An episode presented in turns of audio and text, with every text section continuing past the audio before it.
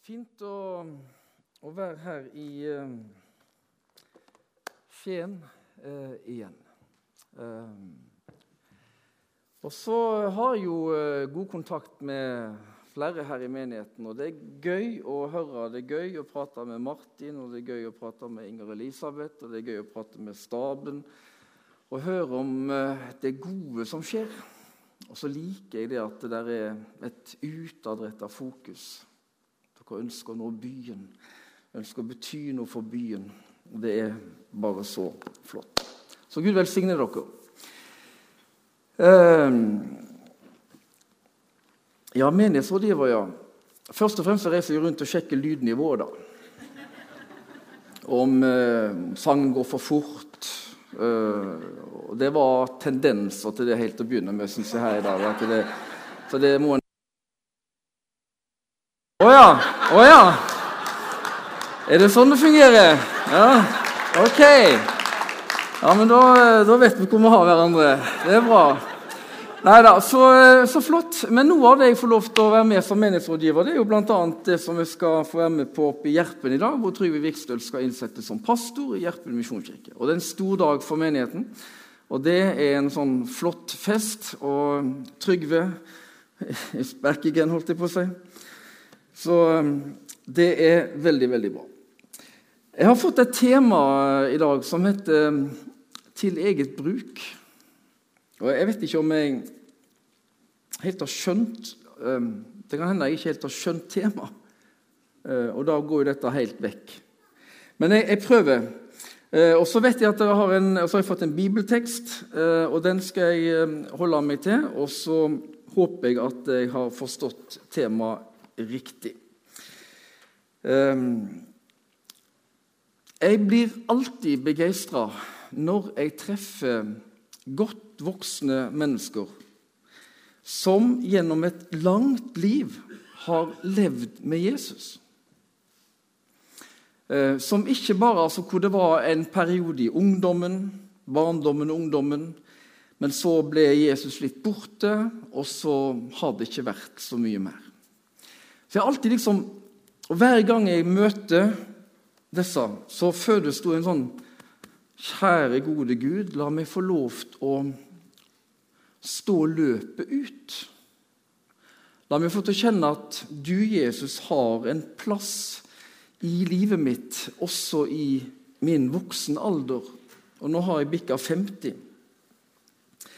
Um, at troa ikke bare var noe som var når jeg var ung og idealistisk og på en måte var åpen for mange nye ting.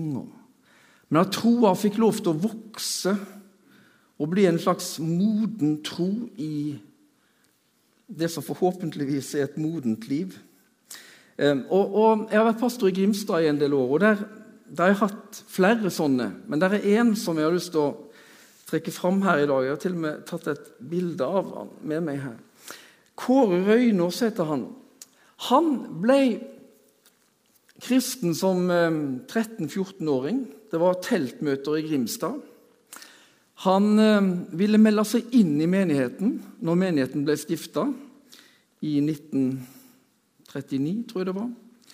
Men han var for ung. Han var ikke fylt 15 år. Eh, og Når du leser referatene fra eh, dette møtet, så står det at eh, han ble tatt opp som medlem. For det, er, det var noen unge, brennende gutter iblant oss.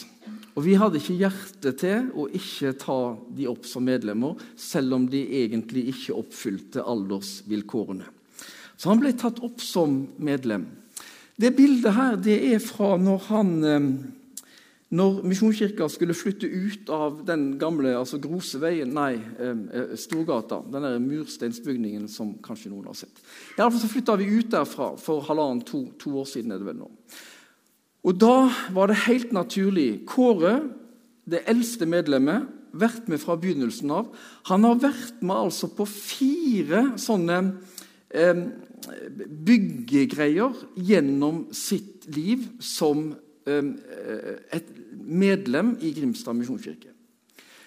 Um, og Da er det Kåre her som står og velsigner menigheten i det øyeblikket hvor korset bæres ut av kirkelokalet vårt, og eh, menigheten følger på. Um, og Jeg har vært mye hjemme hos Kåre og Eva, kona hans. Og Når vi har sittet og prata, så har jeg merka selv når vi skulle gå i gang med enda en ny kirke og Det var liksom den fjerde gangen han skulle i gang med noe sånt. Og han var 80. Og Så sier han 'Yes'. Og jeg ber til Gud om at jeg må få lov til å oppleve og få være med på innvielsen også av denne kirka. Sier han. Og han er liksom den mest positive. Um, og jeg tenker Når jeg møter sånne, og møter den Jesusbegeistringen som han har, så har jeg kjent at Gud, um, la det være noe i meg som gjør at når jeg vokser til, når jeg blir eldre, så er det dette livet som pulserer i meg. Kåre her han har vært formann i menigheten i ulike perioder. Alltid vært veldig, veldig med. Det er noe med dette med å følge Jesus um, i et langt liv gjennom skiftende omstendigheter. Um, I fattige tider, når det er knabert, i rike tider, gjennom arbeidsliv. I det hele tatt gjennom alle de fasene som livene våre eh, innebærer. Og Dere som er unge, vet sikkert ikke hva jeg snakker om engang. Men det er noen sånne faser i livet, og dere er en veldig tidlig, flott, ung fase. og Gud velsigne dere. Ehm, og så er det min overbevisning at jeg som en kristen er kalt av Gud til å stå med hele livet. Jeg er kalt til å eh, tjene. Jeg er kalt til å forvalte midlene mine. Jeg er kalt til å forvalte gavene mine, altså eh, nådegavene, tjenestene, talentene, utrustningen min, gjennom et langt liv. Ikke bare til jeg var 35 år eller 40 år, men gjennom et langt liv. Og så går vi gjennom ulike faser av livet. Ehm, jeg har hatt glede av denne her. Det er en sånn Golden Circle heter den, og det har sikkert vært borti den flere. men en begynner med den ytterste hva gjør vi, og den innenfor hvordan gjør vi det vi gjør. Og så har vi den innerste hvorfor gjør vi det vi gjør. Og I en undersøkelse som ble gjort i USA, så fant de i en menighet at det var en sammenheng mellom en persons tjeneste, altså det å forvalte livene våre, det var en sammenheng med det, og vår åndelige utvikling. De hang på en måte sammen. Positivt sammen. Inntil et visst punkt. På et visst punkt der så virka det ut som om aktiviteten tok over og hadde ikke lenger noen innvirkning på det indre åndelige livet. Tvert imot så virka det ut som om det var aktiviteten som tok over, og det indre livet det ble på en måte svakere, hvis en kan bruke det ordet. Og jeg tenker at Kanskje det handler noen ganger om at når vi begynner med noe, så er vi veldig i en hvorfor-modus. Jeg, jeg, er her, jeg gjør dette fordi jeg går inn i denne tjenesten fordi jeg opplever at Gud har kalt meg til det. Jeg opplever at Gud har talt til meg. Jeg opplever at det er noe som hjertet mitt brenner for dette. Og Etter hvert så blir jeg mer opptatt med hvordan jeg gjør dette og hva jeg gjør, mer enn hvorfor gjør jeg det. Og jeg tenker at I et langt liv og en lang tjeneste, og for å kunne tjene over tid og bli stående over tid, som er noe av stikkordet som jeg har fått for, for denne søndagen, så er det så viktig at vi klarer å tenke denne midten. Hvorfor? Og Nå skal jeg ta dere med inn i teksten fra i dag. Ehm, og Det er fra eh, Lukas kapittel 10 og vers 38. Da de dro videre, kom han til en landsby der en kvinne som het Martha, tok imot ham i huset sitt. Hun hadde en søster som het Maria, og Maria satte seg ned ved Herrens føtter og lyttet til hans ord. Men Martha var travelt opptatt med alt som skulle stelles i stand. Hun kom bort til dem og sa, 'Herre, bryr du deg ikke om at min søster lar meg gjøre alt arbeidet alene?' 'Si til henne at hun skal hjelpe meg.' Men Herren svarte henne, 'Martha, Martha, du gjør deg strev og uro med mange ting.' 'Men ett er nødvendig. Maria har valgt en gode del, og den skal ikke tas fra henne.' Jeg tenker, Det er jo ikke sikkert at når Lukas skriver sitt evangelium det er jo ikke sånn at de, Han satt med notatbok hver kveld og så skrev han ned hva som hadde skjedd, og så gav han det ut når, når liksom, ja, nå er Jesus død og oppstått, og sånn, og nå kan jeg gi ut boka mi. på en måte. Lukas' memoarer, på en måte. Det var ikke sånn. altså Han, han satte dette sammen. Og Lukas, og Matteus, Markus og Johannes de var forkynnere, de var evangelister, de hadde et budskap. Så hvis vi tenker sånn at eh, han setter denne historien om Martha og Maria og Jesus akkurat der han setter den, med, med en hensikt. La oss tenke oss det. Uh, for Hvis en da begynner med kapittel, uh, kapittel 10, så begynner det med at uh, Jesus sender ut 72 disipler. Fra vers 1 og utover. Der sender han de ut, og bakgrunnen er at høsten er stor, arbeiderne få, og jeg sender dere. Så han sender de ut, og han sier at dere skal forkynne at Guds rike er kommet nær, dere skal helbrede de syke, eh, og så, eh, og så videre, og så videre. Og så, i vers 17, så kommer de tilbake, og de er utrolig oppglødd. Og de sier at sjøl de onde åndene adlød oss. Dette har vært helt utrolig, Jesus, det du har sendt oss ut på. Og Så bekrefter Jesus de, men så sier han også at det er bra. Men la gleden deres først og fremst være rota i og på en måte rotfesta i at dere har navnet deres skrevet i livets bok i himmelen. Så han på en måte, De er der oppe, og så tar han de litt ned. Og så sier han til dem at salige de øynene som har fått se det dere har sett. Så han bekrefter jo denne fantastiske erfaringen de har hatt. Men hva er det neste Lukas gjør da? Når på en måte de har vært helt der oppe? Jo, da begynner han med beretningen om den, nei, om den barmhjertige samaritanen. Det er akkurat som om Lukas vil Det er flott, alt dette. Men så drar han det videre så drar han det enda mer ned på jorda og så sier han, dere er plassert blant mennesker hvem er min neste? Hvilken betydning skal det ha for livet mitt? Hvem som er min neste? Og Så forteller han historien om den barmhjertige samaritan, som viser hvordan de skal forholde seg til sin neste. Og så kommer vår fortelling, hvor Lukas muligens vektlegger hvordan ha en rett relasjon til Jesus. Så Han drar det på en måte nedover, og så drar han det inn i det som vi opplever som en, som en kjerne. Og Hvis vi går til teksten, vers 38, så er det Martha som eier huset som Jesus kommer inn i. Um, og Det er jo interessant, for det var, det var, nok ikke helt vanlig det skjedde nok, men det var nok ikke helt vanlig at de religiøse lederne og de skriftlærde var rundt omkring i hjemmene. Men Jesus han gikk hjem til mennesker. Og Det står tydelig at Maria inviterte han inn i sitt hus. Ehm, så Jesus han var ikke en som bare var på avstand, men han ble invitert inn hjem til Martha og til Maria.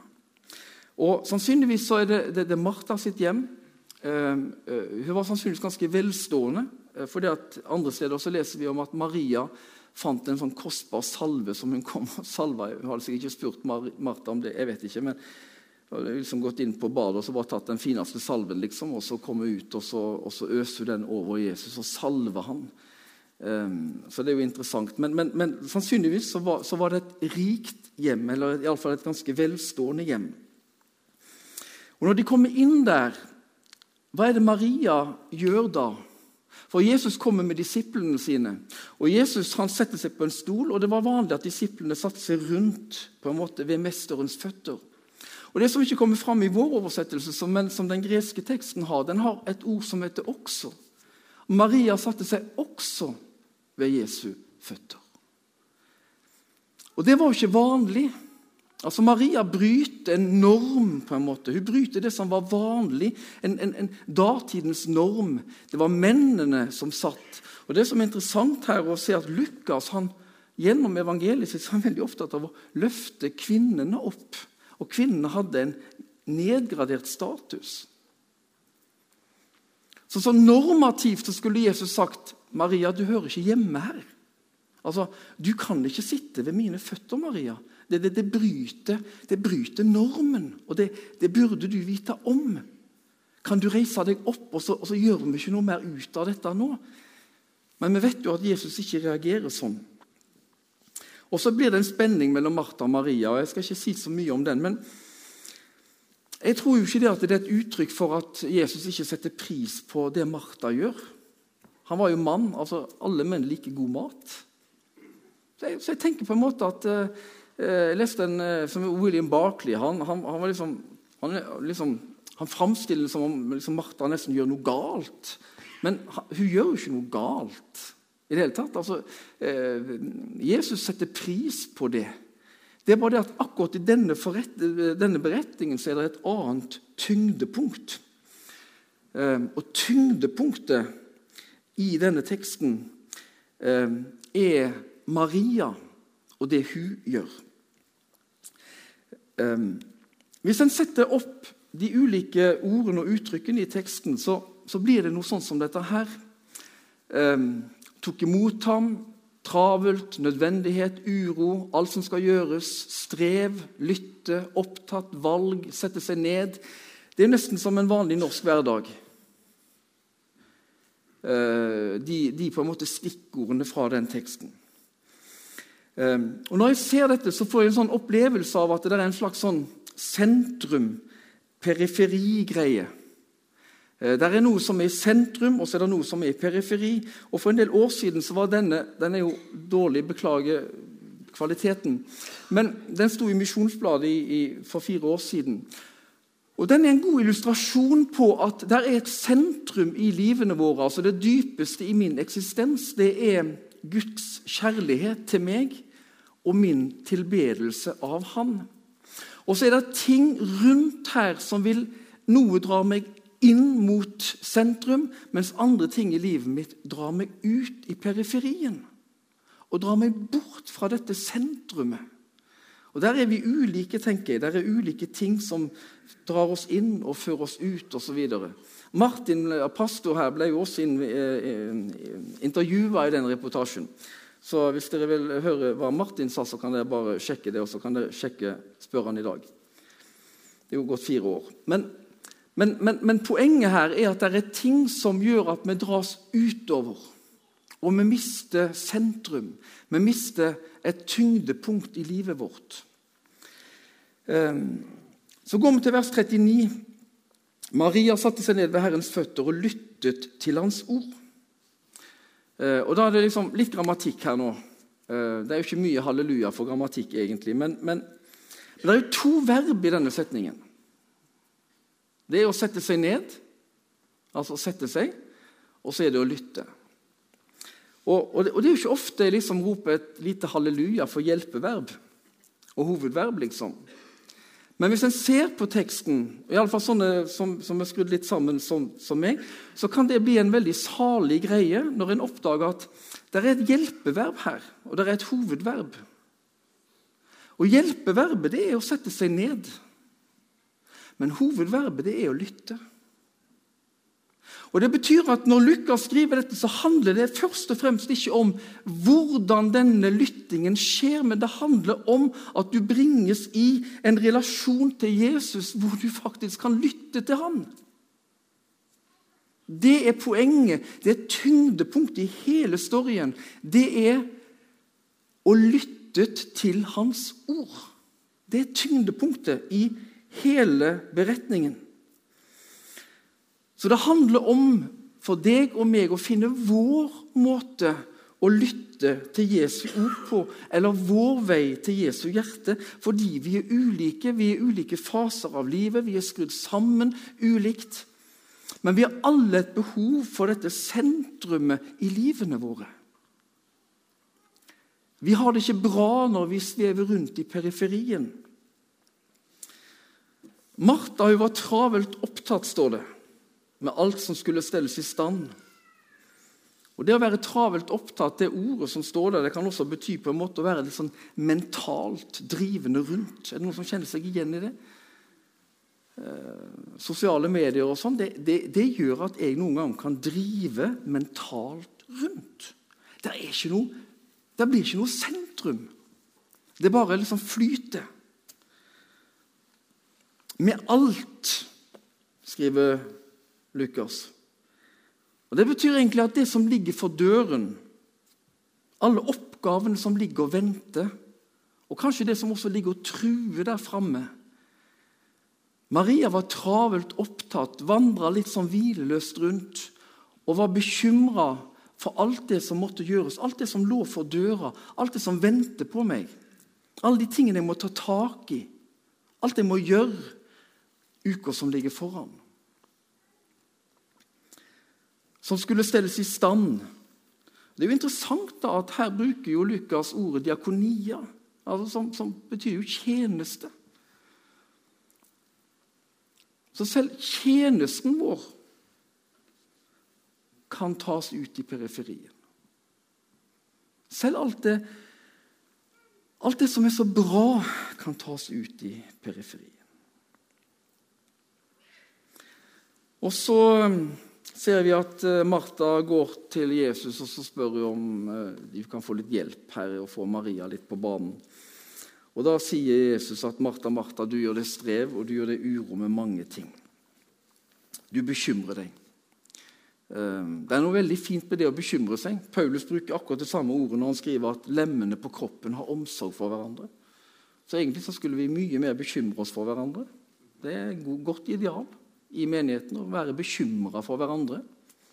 For det handler om å ha omsorg, så bekymring er ikke alltid bare sånn negativt her. Men du uroer deg, sier han til, Maria, nei, til Martha. Du er engstelig. Ehm, så sier ikke Jesus at eh, Martha, slutt å være urolig. Slutt med strevet ditt. Ehm, alle vi som har Eller alle som alle som lever, vet at strev og uro er jo en del av livsbetingelsene våre. Altså, Det er jo ikke bibelsk engang å si at uh, målet vårt er et liv helt uten uro og strev. For det er livsbetingelsene vi er gitt. Det finnes ingen enkle liv. Men så sier Jesus allikevel men ett er nødvendig, sier han. Og akkurat nå så har Maria valgt den gode del. Eh, ett er nødvendig. Og Dette er et ord som også de bruker når for Jesus sier at det er ikke de friske som trenger lege, men det er de syke som trenger lege. Altså, Er du syk, så er det nødvendig at du kommer til lege. Og Når Jesus sier dette, så sier han ett er nødvendig. Ett er viktigere enn noe annet akkurat nå, og Maria har valgt den. Tilbake til den utydelige greia der. Det er noe i sentrum her som er nødvendig for deg og meg. Nettopp for at vi skal kjenne at troa kan leve i oss og vokse i oss og være til stede i oss gjennom et langt liv.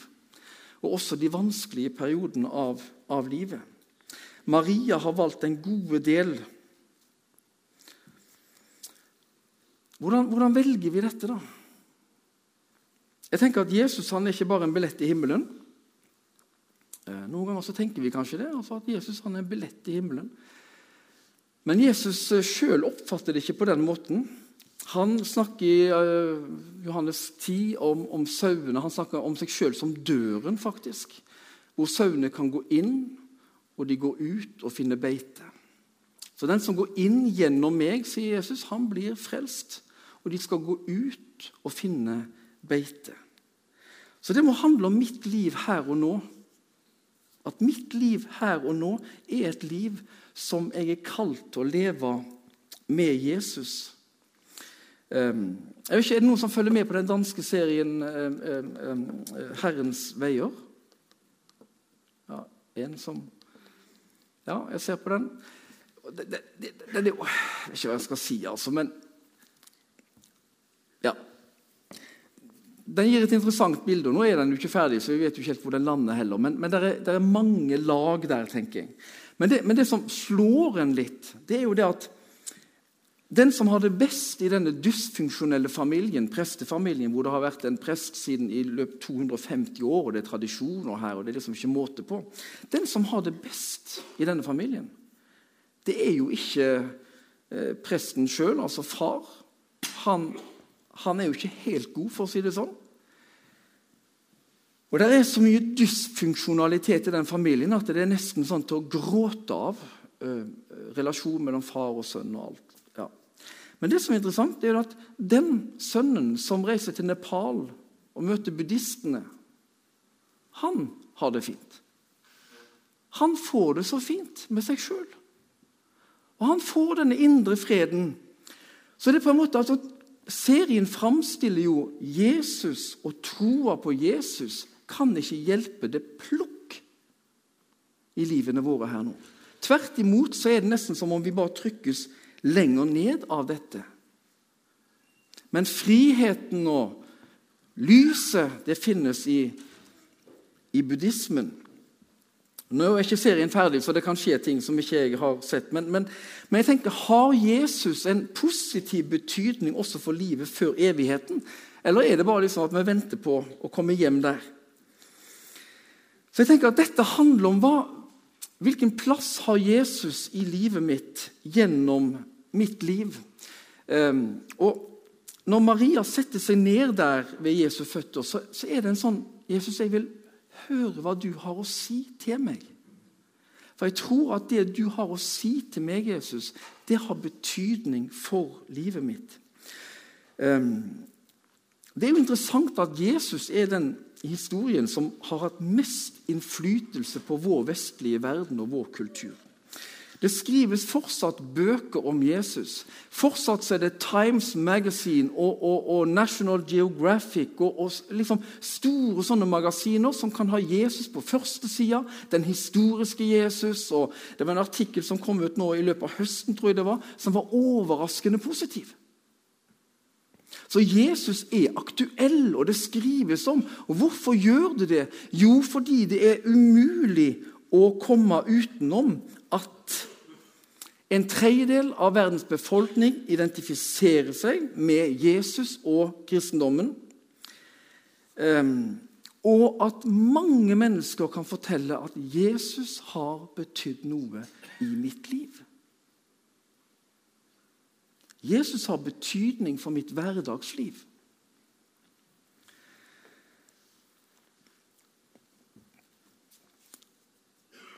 Så det er vanskelig på en måte, altså Jesu betydning har å gjøre med at altså, historiske kjensgjerninger som handler om Jesu evne til å snakke med mennesker, undervise mennesker, helbrede mennesker, sette mennesker i frihet Derfor er Jesus aktuell for mennesker også i dag. Ehm, han betyr noe på grunn av hva han har gitt til mennesker, og hva han gir til mennesker den dag i dag. At han er med i alle ulike faser av livene våre, de ulike livsbetingelsene. Han gir helhet. Han deler vår svakhet.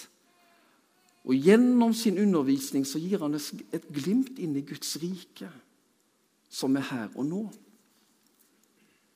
Ikke bare som noe framtidig, men også som noe som er her og nå. Så tenker jeg, Det Martha Maria gjør, det er at hun, eh, hun setter seg ned og så tenker hun at jeg må ha et sentrum i livet mitt. Så tilbake til start. Hva handler det om? Jo, det kan kanskje handle om at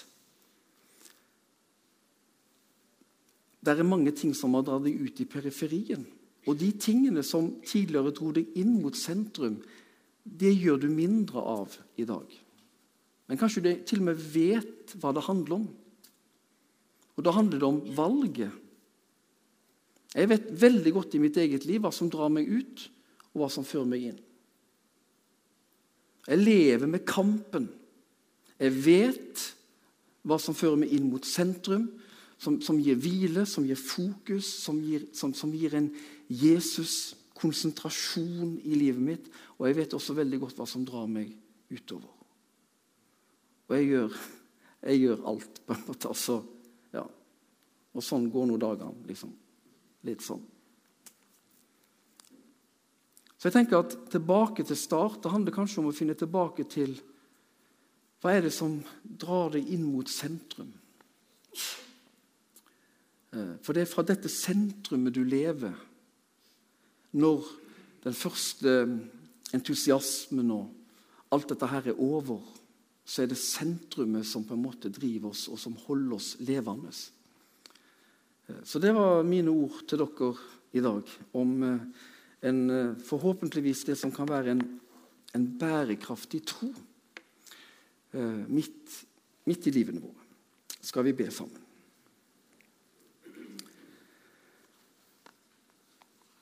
Himmelske Far, eh, takk for at du ser våre liv.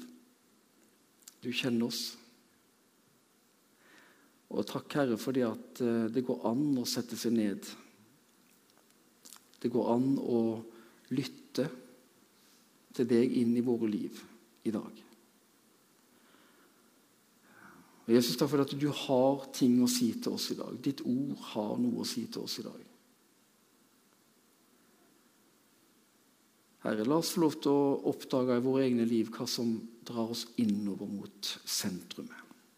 Mot din kjærlighet, og hva som også drar oss ut i periferien. Og Gi oss nåde, Herre, til å iallfall noen ganger velge de riktige, gode tingene. I Jesu navn.